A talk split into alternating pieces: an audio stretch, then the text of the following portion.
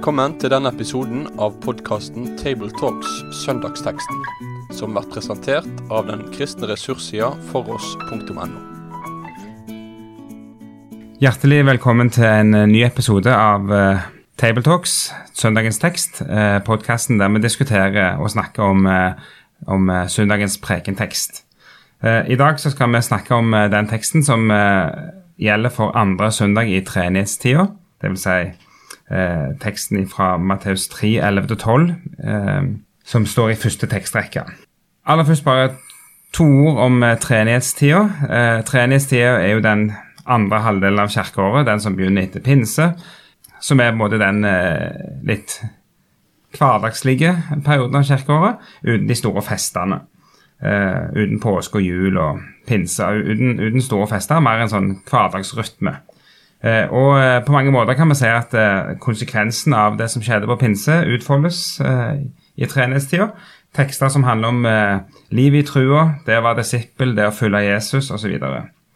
Og denne teksten vi skal lese i dag, den, den vektlegger Jesu gjerning og Jesu storhet, og med særlig vekt på at Jesus er større enn døperen Johannes. Eh, med meg til å samtale om teksten eh, så har jeg i dag Sverre Bø. Og Toril Slottsveen Asp. Og jeg er Knut Kåre Kirkholm. Nå skal Toril få lese teksten aller først. Jeg døper dere med vann til omvendelse. Men han som kommer etter meg, er sterkere enn jeg, og jeg er ikke verdig til å ta av hans sandalene. Han skal døpe dere med Den hellige ånd og ild. Han har kasteskovlen i hånden og skal rense kornet på treskeplassen. Hveten sin skal han samle i låven, men agnene skal han brenne opp med en ild som aldri slukner. Og I denne teksten så er det jo døyperen Johannes som snakker. Og vi har i versene rett før så har vi òg fått en eh, presentasjon av han. Eh, og vi har allerede hørt litt av hans forkynnelse, og, og, dette fortsetter inn i disse versene vi leste. Og så følger jo eh, Jesu dåp og Guds ånd som kommer ved Jesus, og fristelsen eh, i ørkenen eh, i etterkant av dette her. Så vi er midt inne i liksom, startfasen av Jesu virke. og og vi møter denne her eh, litt fascinerende typen, døperen Johannes eh, og hans, eh, hans tjeneste. Og, og, vi kan gjerne begynne med det. det at eh, her, her, møter vi en dåp. Men det er jo ikke en vanlig dåp. Eh, Sverre, har du noen eh, utfyllende kommentarer på hva type dåp dette er snakk om? Ja, her er det masse spennende å ta tak i. Selve navnet Johannes døperen, det har vi kanskje hørt ofte som kristne nordmenn. Men en greker som hørte første gang om denne Johannes dypperen, mm -hmm. må ha undret seg. For selve det ordet på gresk, baptitses, det er veldig pussig. Det vanlige ordet for å dyppe noe, det var bapto. Og så kan det intensiveres hvor du nidypper, baptizo. Og denne Johannes dypperen, han nidyppet. Og det var så spesielt at han fikk jo kallenavnet Johannes han derre som nidypper. Eh, så det ligger bak. Det er ikke bare at du øser litt vann, men du skal ordentlig under. Og nær sagt holdes under litt. altså. Det er en aktivitet som det drypper bokstavelig talt av. Så det er jo et litt morsomt navn, eh, som gir oss også litt perspektiv på at jo, folk skjønte nok at dette er symbolsk for et eller annet, eller et rituale for noe, men det var utafor vanlig folkeskikk. Vann som noe som kan rense, det kjenner mange religioner til. Men en sånn engangshendelse, kombinert med å bekjenne sine synder og begynne et nytt liv, det har nok blitt lagt ganske godt merke til. Og så er jo denne her døperen han, han var jo en stor skikkelse. Eh, og hadde mange som kom ut til han og, og hørte på han osv. Men, men det er jo ingen tvil om her at han, eh, han setter seg sjøl ganske mye lavere enn han som kom etter han. Eh, og vi får dette uttrykket at jeg ikke er verdig til å ta av hans sandalene, eller til å bære sandalene hans. Så da, da forstår vi at her, her, er det en, en ydmykhet som, eh, vi møter. Uh, jeg tenker Det ser jo også ut som han, han vil at de fariseerne og sadukerene som han hadde for seg nå, som han hadde gitt en sånn solid utfordring, at de virkelig skulle skjønne at det var i ferd med å komme en som var så stor at det ikke gikk an å nesten forestille seg hvilken makt og velde han ville bære med seg. Um, Og jeg tenker når han, når han ser for seg dette bildet, bruker dette bildet med å krype helt ned på bakken for å få løsne på denne sandalreima, så var det vel nærmere en slaves oppgave enn noen andre kompiser. Eh, og så sier han, men ikke engang det er jeg verdig til. Så gjennom den bildebruken så får han jo fram en slags storhet som ikke kan beskrives med ord. Og da tenker jeg at det kanskje blir enda eh, Som du sa, han nidyppet. Han var intens i det arbeidet han hadde, og i den gjerningen han sto i. Eh, og så skal han fortelle at det, egentlig er det veldig lite det jeg gjør i forhold til han som nå kommer etter meg. Men eh, han døper jo, men, men, så er det ikke en vanlig dåp. Den er omvendelsesdåp, men, men ikke den dåpen som vi forbinder med med dåpen i Faderens og Sønnens og Den hellige ånds navn. Vi ser også eksempler i apostelgjerningene på at eh, folk som er døpt i, eh, med den dåpen, de, de, eh, Det er ikke liksom en fullverdig sak, sånn som det oppfattes av disiplene senere. Nei, for selve ordet dåp, det å dyppe noen, det går igjen. Men Johannesdåpen er ikke det samme som den kristne dåp. Den mm. kom senere. Og Forskjellen er jo veldig tydelig i den teksten du hinter til der fra apostelgjerningene 19, hvor Paulus møtte noen i Efesus som var døpt med Johannesdåpen, men de hadde ikke engang hørt om Den hellige ånd. Og dem døper da Paulus med den kristne dåp, og så får de Den hellige ånd. Og så har vi Jesu dåp, som blir unik og annerledes på alle måter. Da reagerte døperen også og sa at dette blir feil. Her står du i køen av alle syndere og skal bekjenne synd. Eh, vi skulle bytte plass, du og jeg, sånn at du døpte meg heller. Og Jesus sier ja, men la det nå denne gangen likevel skje, for slik skal vi oppfylle all rettferdighet. Så Johannesdåpen er én sak, Jesu dåp er noe annet, og den kristne dåp kommer da siden og har sine særtrekk. Og skal vi gjøre det komplisert, så kan vi føye til at Johansevangeliet forteller at Jesu disipler drev også og døpte i en tidlig fase. Og det ligner på en sånn Johannes-dåp-type for dem som kom og hørte på Jesus. Og på toppen av det så har vi apostelgjerningene stadig uttrykk om å bli fylt av Den hellige ånd, som noen knytter til det å bli døpt med Den hellige ånd. Jeg har en pinsevenn-venn som sa at så langt er jeg blitt åndsdøpt 16 ganger, sa han. Så da knyttet han åndsdåp til det vi ellers ville si at han ble fylt med Den hellige ånd på en særskilt måte ved spesielle anledninger. Så det er litt sånn rydding i, i hva menes med dåp fra tid til annen. Så har vi ikke minst i det vel i Johannes 12 der, eller 11 der Jesus eh, snakker om en dåp han gruer seg til. og Da er det jo nokså tydelig at det er hans lidelse som han også beskriver som en dåp. Så, det er tydelig at dette ordet dåp eh, og dyppe eh, Du dyppes i forskjellige ting. Eh, og, og, det ble brukt ganske omfattende i, i Jesus samtid. Og den måten er nok det som kanskje ligner mest vanlig bruken. Altså Lukas 12, 50. For en dåp jeg har å døpes med, og hvor jeg gruer til at det skal skje. Mm. Altså, da er det den følelsen av å drukne i mm. noe du ikke håndterer, og undergangen, eh, som Jesus da anvender om den lidelsen han skal i Jerusalem. Så det er ganske mange spennende spor langs dette døpeordet. Mm. Men eh, i hvert fall kan det være lurt å, å bruke litt tid på å tenke på den eh, Du starta jo med nidypper, men altså Det er nesten mer enn å dyppe, fordi som du sa, det, du senkes ned i noe som omslutter deg helt.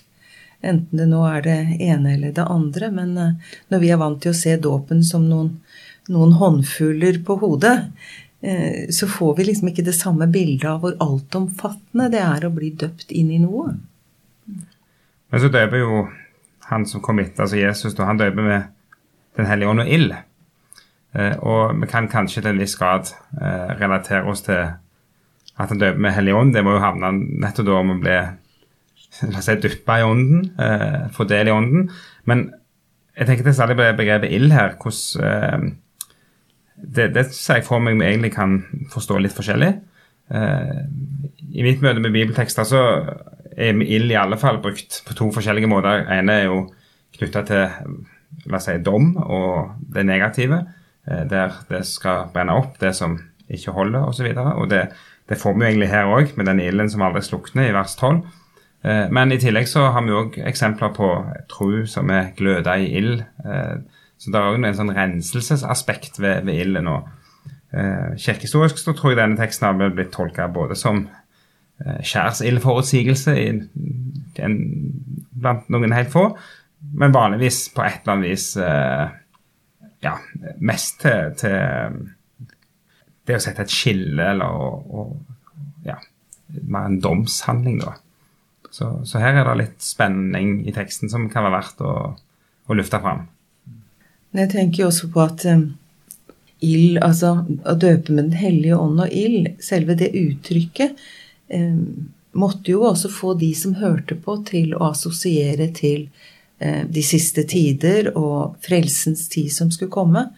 For vi skulle jo døpes med Den hellige ånd når det nye riket skulle bryte fram. Slik at det må jo også være noe eh, Johannes vil ha fram her, at eh, nå kommer det noe som er eh, annerledes, som er en oppfyllelse av Det gamle testamentet. Vi skal døpes i Hellig ånd og ild.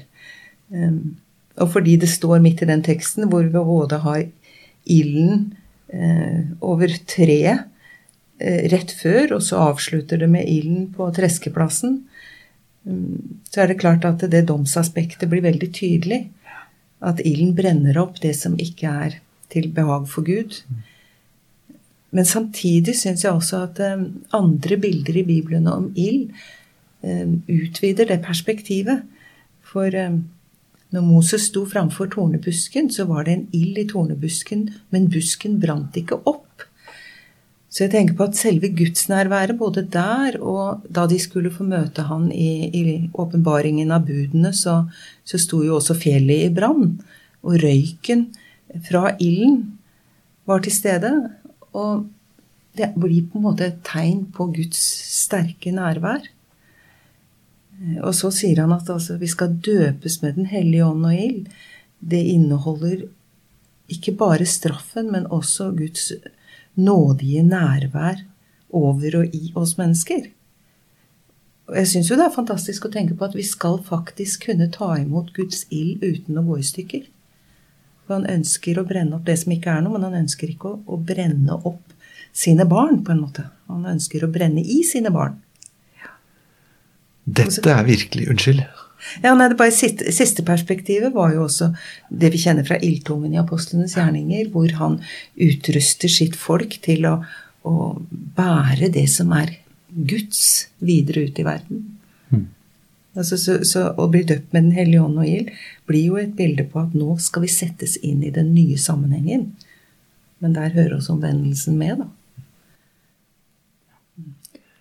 Ja, dette er spennende, for uh, det å møte Gud, som du sier, ved tornebusken, ved Sinai, Elias på Karmel, ildtungene Det er noe overveldende stort og fantastisk i det, og vi lengter etter et ekte opplevelse av Guds nærvær. Og Samtidig så må vi jo være ærlige nok og si at det er noe skremmende over det. Eh, og det at han skal rense oss, lutre troen, det betyr jo at det er noe av det som vi er glad i som vårt, som må ryke, og som blir borte og som vi kanskje egentlig hadde lyst til å tviholde på ved siden av det andre. Ehm, og dåpen, som er porten inn til det nye livet i den kristne tro, det er jo også en begravelse. Ehm, jeg provoserer studentene litt og spør om de er dødsdøpt nylig. Har de møtt, mottatt noen dødsdåp? Altså Ordet det stopper nesten i munnen vår, vi klarer nesten ikke å uttale det. Men det er jo fordi at det er en fremmed tanke. Dåpen som er porten til det nye livet i det kristne livet, det er også eh, utgangen, altså slutten. For det gamle livet skal dødes, begraves. Luther var dristig og brukte uttrykket 'drukne' den gamle Adam. Så det møtet med både vannet og ilden signaliserer i beste fall at han er der for å redde og rense noe som holder på å bli overgrodd av slam, eller det som ikke skal med. Så det er ikke det at det er truende, men det er eh, krevende. Og Det føres jo på en måte litt videre i teksten òg, det, det, med renselsesaspektet. For, for, han kommer med et nytt bilde her med, med denne her treske, treskeplassen og treskingen og kasteskovlen. og Eh, sånn som jeg har forstått og lest om, om tresking i det gamle Israel, så handla det om at du valgte deg en plass som var eh, litt utsatt for litt trekk og litt vind, og så heiv du dette kornet opp i Eller du, først kjørte du over det med en treskeslede eller en okse som stampa over det med en treskeslede, og så tok de etterpå og slengte dette opp i lufta, sånn at eh, vinden kunne blåse vekk agnene, eh, det som er igjen, og så dette kornet ned på bakken. Eh, og det bildet brukes jo òg i Salme 1 om, om den ugudelige, eh, som skal være som agner som vinden blåser vekk, og ikke blir stående i dommen. Eh, så, så, dette treskebildet, for å uttrykke en dom og et, en atskillelse, det er et poeng som du finner litt gjennomgående i, i, i hele Bibelen. Men det som jeg syns gjerne var litt annerledes, det er jo at det treskebildet vil jo vanligvis handle om at disse agnene blåser vekk, men her ser det ut som agnene skal samles og brennes. Akkurat som man skal gjøre seg litt, for, litt omhu for å få tak i det igjen. Og det gjør egentlig teksten synes jeg, litt mer skremmende enn bare tresking. på seg den måten. Her er det noe mer som foregår, som, som oppfattes litt skummelt, litt uh, fælt. Det er en brann og en dom, som, som mange uttrykkes her. Men han sier jo da i de versene som var før våre vers, så sier jo Johannes 'Hvem har lært dere å eh, flykte fra', eller jeg holdt på å si 'lure dere unna den dommen som kommer'? Og de var jo tross alt, de som sto der, var jo tross alt da eliten i, i det troende folket. Mm. Så kanskje må vi få så sterke bilder for å skjønne andre ord som Jesus sier. I Jesaja står det jo da at Gud sa at de har lepper som priser meg, men hjertet er langt borte fra meg. Og Jesus sa, Herre, Herre. Nei, det går ikke an å si 'Herre, Herre' og ikke gjøre det jeg vil dere skal gjøre. Og så står det om de som da, i hvert fall i gammel oversette, hadde Guds frykten skinn, men um, fornektet dets kraft. Altså, det ser ut som Gud, Gud utelukker at vi kan um, lage kompromisser. Altså, det er bare å enten å overgi seg, eller så ender vi i tomheten. Som disse agnene. De er jo, de er jo tomme. Mm. Det, det syns jeg ble veldig utfordrende sjøl, at han snakker egentlig til troende mennesker som prøver å komme videre på sin image av sin tro og etterfølgelse. Og så slipper de ikke opp for når Gud vil skjære til beinet og virkelig, virkelig befri oss og frelse oss og omvende oss. For dette er jo akkurat som du sier, Toril, sånn er det tvers gjennom Bibelen. Profetene forkynte masse omvendelse, ikke til hedningene, men til Israel. I Jerusalem, i Herrens tempel, ved porten der alle kom inn, der sto Jeremia og forkynte omvendelse. Sånn er det med døperen. Han reiste ikke til Roma eller Antiokia eller til en annen hedensk storby, men han opptrådte i Judea, henvendte seg til Guds eget folk. Og slik er det hos Jesus. Sånn er det når apostlene forkynner. Hvis du leter i Bibelen etter tekster om omvendelse rettet til ikke-jøder eller ikke-kristne, så har vi Jonas' bok, og vi har Paulus Bareopagos, og kanskje en eller to tekster til, men det er alt jeg har klart å finne på 1350 sider i Bibelen. Alle de andre henvender seg til Guds folk. Så det er jeg og andre som bekjenner troen, som møtes med det nokså røffe budskapet om omvendelse. Og her går det an til og med å nesten leke litt med ord. Altså, på en måte, altså, du har, Dette med treskeplass er jo tross av plassen hvor tempelet ble bygd. Det ble bygd på en treskeplass. Så det er som det ligger en sånn en ja, nesten, kan nesten legge inn en klang der av eh, Det er virkelig midt i, i gudsfolket at dette skillet skal gå. Og, og det står også at Det kommer ikke med i Bibel 2011, men men på, på, gresk så står det at han skal rense altså han skal, det, det, han skal rense kornet på sin treskeplass, eh, ikke bare på treskeplassen. Så der blir det gjerne gjort enda tydeligere at, eh, at det ikke er en vilkårlig treskeplass, men det er, det er, noe som er hans eget, og der er det han skal komme og sette dette store skillet. Og som du påpeker, Sverre, at, eh, at gjennom hele Bibelen så ser vi egentlig det at dette kallet til omvendelse, det, det går gjerne ofte til Guds folk først og fremst. Eh, og så er det det vi gjerne trenger å høre. Så kan vi jo legge til et, eh, et annet spørsmål knytta til det med omvendelse, det at det går midt i Guds folk. Det er jo noe som mange kristne òg eh, strever litt med. Har jeg opplevd eller har jeg hatt en erfaring av en omvendelse? Jeg er døypt, men jeg har aldri gått fra mørke til lys på en måte som jeg virkelig har merka sjøl og erfart sjøl. Det tror jeg mange kristne ja, kan kjenne seg litt anfekta ved og brudd ved. Ja, det har jeg møtt ikke så sjelden. Når du får snakke fortrolig med en og en kristen, ofte godt voksne kristne som har levd et fint liv med Gud gjennom mange, mange år, men som går og bærer på en smerte, er jeg egentlig omvendt? For jeg har aldri vært skikkelig borte. Eh, jeg hørte faktisk en som i sin ungdom bestemte seg for at nå skal jeg være som en hedning en uke. Og så skal jeg omvende meg på lørdag så mye som at jeg klarer å eh, ha liksom et før og et nå og gikk på skolen med den tanke å skulle banne i hvert eneste friminutt. Men klarte det ikke. Tunga klarte ikke å si de stygge ordene. Og kapitulasjonen ikke klarer å være en kristen. Ikke klarer å være en ikke-kristen heller. Hvem er jeg da? Da er det jo veldig godt å få lov til å si at dette er ikke et sånt skjemasystem som Gud krysser ut etter. Og har Gud fått bevare oss i troen uten de vonde erfaringene av et vilt liv borte fra Herren, så er ikke det noe vi skal savne. Men vi skal glede oss over at han kanskje frelste oss før det slo ut i vill blomst. Eh, men så må vi få lov til å si at omvendelse er jo ikke bare et punkt, men det er en daglig sak. Å snu seg vekk ifra alt det som Gud sier nei til, og vende seg mot Gud og mot Hans velsignelse og ta den imot. Så det er jo ikke noe vi legger bak oss. Det kan jo hende vi har noen bilder av hva omvendelsen skulle vært, som hindrer oss i å høre den forkynnelsen om omvendelsen som er til de troende. Jeg tenker Hvis selve ordet forkynner Nei, ikke forkynnelse, men omvendelse eh, betyr jo sinnsforvandling. Altså at hele mitt sinn blir forvandla. Og det er jo en prosess vi er i hele tida. Men kanskje vi, kanskje vi er litt vant til å tenke at omvendelse er en sånn engangsopplevelse som da blir noe veldig stort.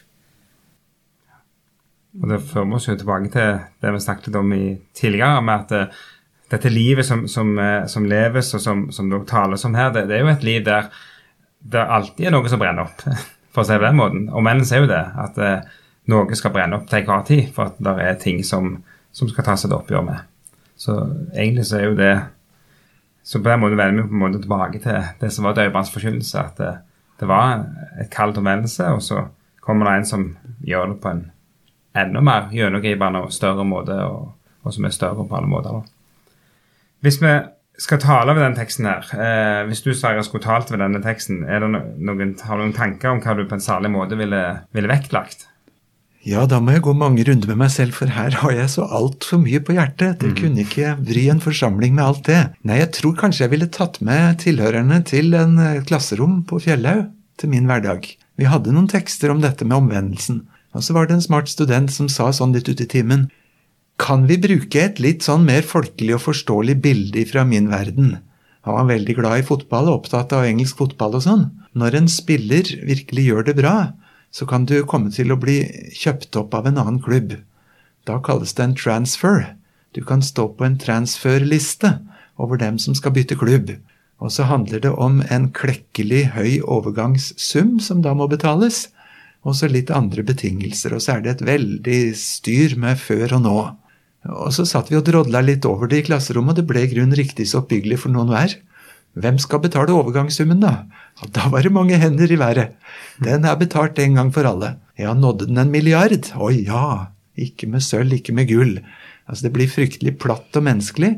Men inn i en uh, ung 20 år gutt sin verden, så plutselig så begynte han å se det er en overgang. Det er en transfer. Det er en overgangssum betalt, og det blir en forandret virkelighet, kanskje mye mer forandret enn mellom to klubber. Så jeg vet ikke om vi kunne fått bruke et så enkelt bilde, kanskje. Mm. Toril? Ja, jeg tenker ikke akkurat på noe, noe bilde, men jeg, jeg syns det er veldig alvorlig at eh, med utgangspunkt i min egen erfaring, som alltid har vært aktiv i kristen sammenheng og alltid vært en troende, eh, bygger jeg på også noen ganger et slags ferniss av åndelighet? Eller er jeg til stede i møte med det, det oppgjøret Gud ønsker å ha, når han vil rense meg på et mye dypere plan enn hva jeg kan se ut som, eller hva jeg kan prestere. Så han vil både inn til, til hjertets dype røtter og eh, heldigvis med sin makt kunne løsrive meg fra mye av det jeg da tviholder på. Så det er liksom det alvorlige, og så det perspektivet med at, at uh, Guds brann var i busken, og busken brant ikke opp. Altså at Gud, at jeg skal få døpes inn i Den hellige ånd og, og ild, som eh, blir for meg et veldig sterkt bilde på Guds nærvære i mitt liv. Mm. Ja. Veldig fint. Eh, med det så går vi mot en avrunding.